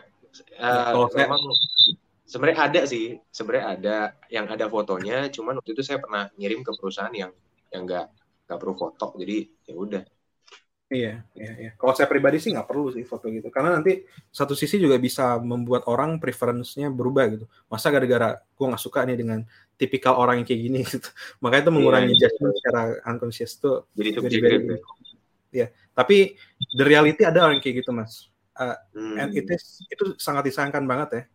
Kalau misalnya ada rekruter yang dia melihatnya, wah ini nggak kayak nggak cocok nih dengan orang orang kayak ini dilihat dari fotonya But anyway, itu nggak bisa kita kontrol ya. Personal information ini paling saya nggak tahu ya lokasinya gimana Mas uh, Benedict tulis, tapi nggak usah detail banget jalan apa, jalan jalan anggrek nomor tiga itu nggak perlu. Langsungnya tulis hmm. misalnya di uh, Rawabelong Jakarta Barat gitu. Terus yang lainnya udah oke okay sih. Date of birth juga sebenarnya nggak begitu penting sih. Tapi kalau misalnya mereka tanya maksimal 30 tahun di di job advertisement, makanya ini jadi penting. Hmm. Supaya mereka bisa tahu, oh orang ini masih 27 tahun. Next, work experience ya. Nah, oke, okay, quality control manager, PT bla bla bla, Jalan Pajajaran Binong Tangerang Indonesia. Ini bisa aja kayak Tangerang Indonesia gitu. Tapi kalau misalnya oh. sini juga boleh sih, cuman nggak begitu relevan. Nah, yang harus dilakukan okay. justru tadi ya, yang kita bahas di section awal. Tiga poin. awal ya. Ya, okay. tiga poin setiap uh, work experience ini. Your achieve, your accomplishment ya. Your accomplishment, apa yang dilakukan dan hasilnya gimana. Kemudian kasih konteksnya gitu, seperti apa. Okay. Kalau lebih lebih bisa menghasilkan business impact itu jadi lebih bagus dan itu pastikan itu jadi nomor satu poin nomor okay. satu. Begitu juga dengan di tempat lainnya. Dan uh, di setiap di setiap inilah di setiap posisi lah. Ini kan uh, perusahaannya sama ya, tapi posisinya yeah. beda. Jadi setiap posisi harus harus kasih di accomplishment. Pastikan tujuan kita tulis itu di resume, tujuan kita menulis tujuan kita mengirim resume itu bukan untuk di bukan untuk di untuk dapetin kerja, tapi untuk dipanggil interview. Jadi nggak usah terlalu jauh pikirannya untuk gue dapat kerja dari resume. Nggak masih jauh. Tujuannya adalah untuk dipanggil interview supaya mereka mau tanya lebih dalam tentang mas hmm. Jadi we don't need to put everything gitu kan. Kita harus tulis yang membuat mereka penasaran dan gila nih orang bisa bisa ada reduce 10% cost gitu kan. Gimana caranya? Okay. Gue penasaran, gue pengen panggil. Basically kayak gitu sih. Uh, flow-nya gitu kan. Setelah itu selesai education. Nah, kalau misalnya Mas Benedict mau tulis seperti executive summary atau personal atau work summary gitu ya, lebih bagus Mas di atas ini sebelum work experience. Tulisannya oh. apa? Okay. Saya uh, saya telah bekerja selama enam tahun di bidang quality control, posisi dari supervisor sampai manager dalam waktu lima tahun. Titik selama bekerja, saya telah kasih achievement yang paling-paling memberikan business impact. Mereduce 10% cost, membuat proses lebih efisien. Kemudian, um, saat ini saya mencari uh, pekerjaan yang bisa apa your your career aspiration bisa men, hmm. bisa memberikan meningkatkan skill saya di quality manager dan segala macam lah gitu your aspiration di sini tapi nggak usah bilang salary ya ya, hmm. yang kayak you, you, uh, Mas Benedik bilang bisa meningkatkan network dan melihat proses yang lebih bagus gitu dan bisa mem, memberi kontribusi segala macam pilih aja salah satu yang paling oke okay. oke okay. di sini jadi kayak kalau bisa satu paragraf empat state empat sentences paling banyak di sini itu akan lebih bagus karena kenapa di eye of recruiter bakal ngelihat langsung ke uh, summary-nya. Kemudian dia bakal baca sc scanning ya. Dia nggak bakal reading, dia bakal scanning doang. Cocok nggak nih dengan requirement gue? Kalau cocok, oke, okay, gue bakal baca lebih lanjut. Gue bakal ngelihat work experience-nya, apa aja accomplishment-nya, cocok apa enggak. Kalau misalnya cocok, dia scanning baru, dia tertarik untuk baca, Mas Benedict. Okay. Jadi sebelum baca dia scanning dulu. Kalau dia scanningnya udah nggak nggak oke, okay, ya bakal di bakal diganti dengan profil yang lain orang lain. Jadi kalau misalnya bisa taruh professional summary. Setelah itu education ini udah oke, okay, sangat jelas. By diesel, blah, blah, blah, early stage, achievement, facilitator, hmm. facilitator, packaging, first winner. Oke, okay. um, ini minor sih, tapi ini bisa di ini bisa jadiin kalimat pertama Mas Benedict dan ini di oh, sorry oke okay. ini di di bold aja jadi kayak first winner among five Indofood packaging plants ini first winner at continuous improvement convention dari berapa banyak peserta Mas? Uh, jadi total ya totalnya itu lima totalnya lima eh ya? ya lima lima lima total lima iya yang saya sesuai yang saya tulis itu Oke, okay, among soft Indofood packaging plans. Oke. Okay. National PT Platinum Award. Jadi ini di awal dulu sih harusnya. Platinum Award. Oh, Oke. Okay. Platinum Award ini kat, variabel yang di diukur itu apa? Apakah uh, lean-nya atau kreativitasnya atau apa gitu? Banyak sih yang diukur ya, karena ini ya, biasa. Uh, ini kan lombanya nasional gitu kan waktu itu. Hmm perusahaan yang pertama. Jadi antar divisi ini bukan antar plan lagi. Setiap divisi kan punya plannya masing-masing. Tapi ini setiap ya. divisi nasional soalnya. Iya, ya.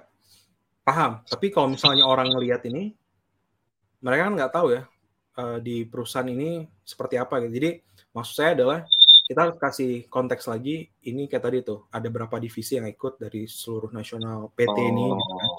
jadi okay, supaya oke okay. okay, ini achievement I, I I know this is a prestigious achievement tapi apa gitu yeah, karena yeah, yeah, yeah. aside from people who work in this company they don't know for sure how big and how prestigious and with with and calculated with what variable gitu kan itu sih mm -hmm. jadi kalau misalnya mm-hmm. bisa dikasih konteks lagi terpilih dari 10 plan tadi nasional itu akan lebih bagus, akan lebih bagus. Oke. Okay. Tapi bukan yang hal yang major ya. Kalau misalnya bisa ditaruh lebih bagus sih, karena achievementnya bakal terlihat lagi konteksnya seperti apa. Hmm. Setelah itu certification training ini no problem, no problem, no problem. Language Indonesian Native, English Advanced. Nah, Advanced ini nih bakal bahaya nih Mas Mas uh, Mas Benedict, karena Advanced ini berdasarkan apa gitu? Unless you have semacam tes IELTS, TOEFL gitu kan Uh, kalau misalnya saya pribadi sih tulisnya Indonesian and English aja gitu. Terlalu subjektif ya kata-kata itu. Ya? Iya, advance based on based on what? Iya, yeah, iya, yeah. oke okay, oke. Okay. Gitu. Kemudian presenting weekly report. Nah ini ini ini oke okay, nih communication skill presenting weekly report sama hal ini as president uh, president will speaker will make change ya oke okay lah kalau misalnya mereka melihat ada orang kalau misalnya ternyata perusahaan yang Mas Benedict tuju um, membutuhkan communication skill, inisiatif skill sama impact oriented gitu ya. Ini ini bagus untuk ditaruh nih. Ya. Organizational or managerial skills, quality control manager, main podcaster, youth leader, quality control department head. Ah. Oke. okay harusnya ini ditulis di uh, atas tadi ya. Jadi organizational skills ini hal hal-hal yang tidak berkaitan dengan work related. Karena the managerial skills mereka bakal assess dari work experience. Hmm, Oke. Okay. Okay. Sedangkan organizational ini adalah yang yang hal lain yang tidak berhubungan dengan pekerjaan tapi you still do it dan itu mempunyai komitmen dan dedikasi yang tinggi. Misalnya kayak main podcaster. Ini kan nggak berhubungan dengan kerjaan kan, tapi you still do it gitu kan. Oke. Okay. Youth leader di gereja Kristen di sini itu juga itu juga termasuk hal yang inisiatif tuh bagus. Co-founder MIPA Festival, Chief Grand Reunion. Ya ini boleh. Jadi yang tidak berhubungan dengan perusahaan, eh ya pekerjaan. Misalnya oke okay, oke. Okay. Balik lagi ya kalau misalnya ini ini sangat bagus kalau misalnya mereka meminta atau sangat-sangat memvalue your organizational skill atau managerial skill. Tapi kalau misalnya enggak, um, tapi nggak mungkin sih ya. Pasti mereka butuh banget ya hmm. hal-hal kayak gini ya.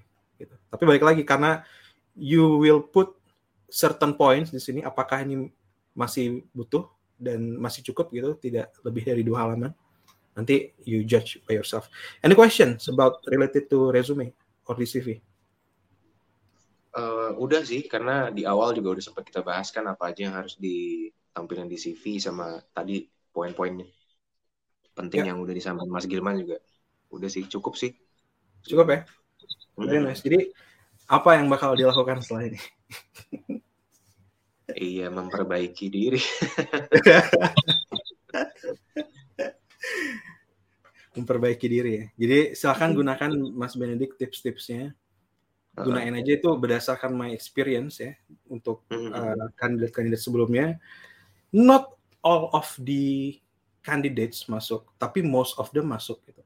Dan yang tidak masuk juga karena faktor-faktor yang tidak bisa dikontrol. Misalnya budget atau tiba-tiba pandemi. Tapi selama kita bisa melakukan apa yang bisa kita kontrol, peluangnya akan lebih besar gitu kan. Nggak ada yang pasti kan. Yang paling pasti adalah ketidakpastian kan. Jadi kita ngelakuin aja hal-hal yang yeah. bisa dikontrol sih. Dan hopefully Mas Benedict bisa mencapai career goalsnya. And I think you have done good job untuk melakukan career plan ya. Financially kemudian uh, career wise juga gitu seperti apa. So you have a direction to go to where gitu kan mau ke mana. Dan itu jadikan uh, direction gitu nggak mesti harus ke situ nanti bakal stres sendiri tapi yeah. menuju ke sana dan selalu open untuk hal-hal yang potentially kita belum sadar itu nggak tahu. Gitu. Mm. Aside from that, I wish you very good luck. Semoga tercapai dan kalau misalnya you have any question, Sep, if you have any question, sukses, nanti habis ini you, ya yeah, just just uh, let me know nanti WhatsAppnya bakal dikasih masukin nanti bakal ada satu grup sih sebenarnya Mas Benedict itu orang-orang oh, yang mau cari-cari kerja ya orang-orang ya, yang habis dari alumni SMT ya Saturday Morning Tea mereka lagi cari kerja kemudian ada yang udah dapet gitu kan jadi you can make networking juga di sana gitu kan mana tahu ada yang oke okay. nah kalau misalnya nanya nanya aja di Nanti I will try to answer. Oke. Okay. Sip. Sip, sip. Oke okay, banget Mas Gilman benar-benar. Ini kesempatan yang priceless banget sih. Ini keren banget sih. Maksudnya. Thank you. Dapetin, apa namanya?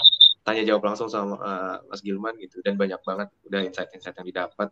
Ini wah, masih masih nggak nyangka sih sebenarnya karena benar-benar ngelihat itu terus langsung Thank you banget Mas Gilman sekali lagi kesempatannya. Thank you. Sure. The pleasure is mine. Thank you ya. Bye bye. Oke. Okay. Thank you Mas Gilman. Dadah. Ya. Sip, teman-teman. Itulah Benedict Reagan ya. Jadi teman-teman, kalau misalnya ternyata teman-teman punya masalah yang sama dengan Mas Benedict tadi, silahkan dipakai.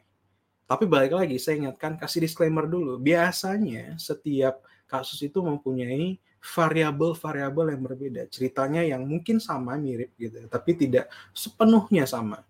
Tapi kalau misalnya mau dicoba, silahkan. Dan kalau misalnya teman-teman ada ada punya kenalan gitu ya, yang kira-kira wah masalahnya sama nih kayak si kayak si Mas Benedik ini, silahkan bagikan video ini ke mereka. Mana tahu mereka juga terbantu. Kita sama-sama sama-sama berbagi kebaikan lah gitu ya. Kalau ternyata memang Anda dan teman Anda ingin melakukan konsultasi seperti Mas Benedik tadi, silahkan daftar di www.gilmanamri.id nih ya. Jadi nanti akan ada satu form, silahkan isi aja gitu apa apa masalahnya, gimana cerita kerjanya, nanti akan dipilih. Jadi belum tentu juga bakal diundang, tapi bakal dipilih. Kita prioritaskan yang paling urgent dulu, yang kasusnya paling menarik dulu, yang paling menarik itu adalah yang paling bisa memberikan value ke orang lain ya. Jadi jawabannya itu bisa kasih banyak uh, value ya, banyak-banyak manfaat untuk orang lain. Itu yang bakal diprioritasin. Tapi coba aja, siapa tahu kan uh, terpilih juga ya. So, thank you so much. I'll see you in the next Saturday morning tea. Jaga kesehatan, dan sampai jumpa minggu depan. Bye-bye. Jadi, gimana? Apa episode ini sudah menjawab masalah karir Anda? Kalau belum, silahkan cek www.gilmanamri.id dan daftarkan diri Anda. Siapa tahu cerita kerja Anda yang akan dipilih untuk episode selanjutnya. Oh ya, satu hal lagi nih. Gimana kalau sekarang kita bagikan channel ini ke teman-teman yang lagi cari kerja atau punya masalah kerja. Siapa tahu mereka terbantu dari konten-konten yang ada di sini. Sama-sama kita memberi manfaat ke lebih banyak orang. Kita plus satu kebaikan hari ini.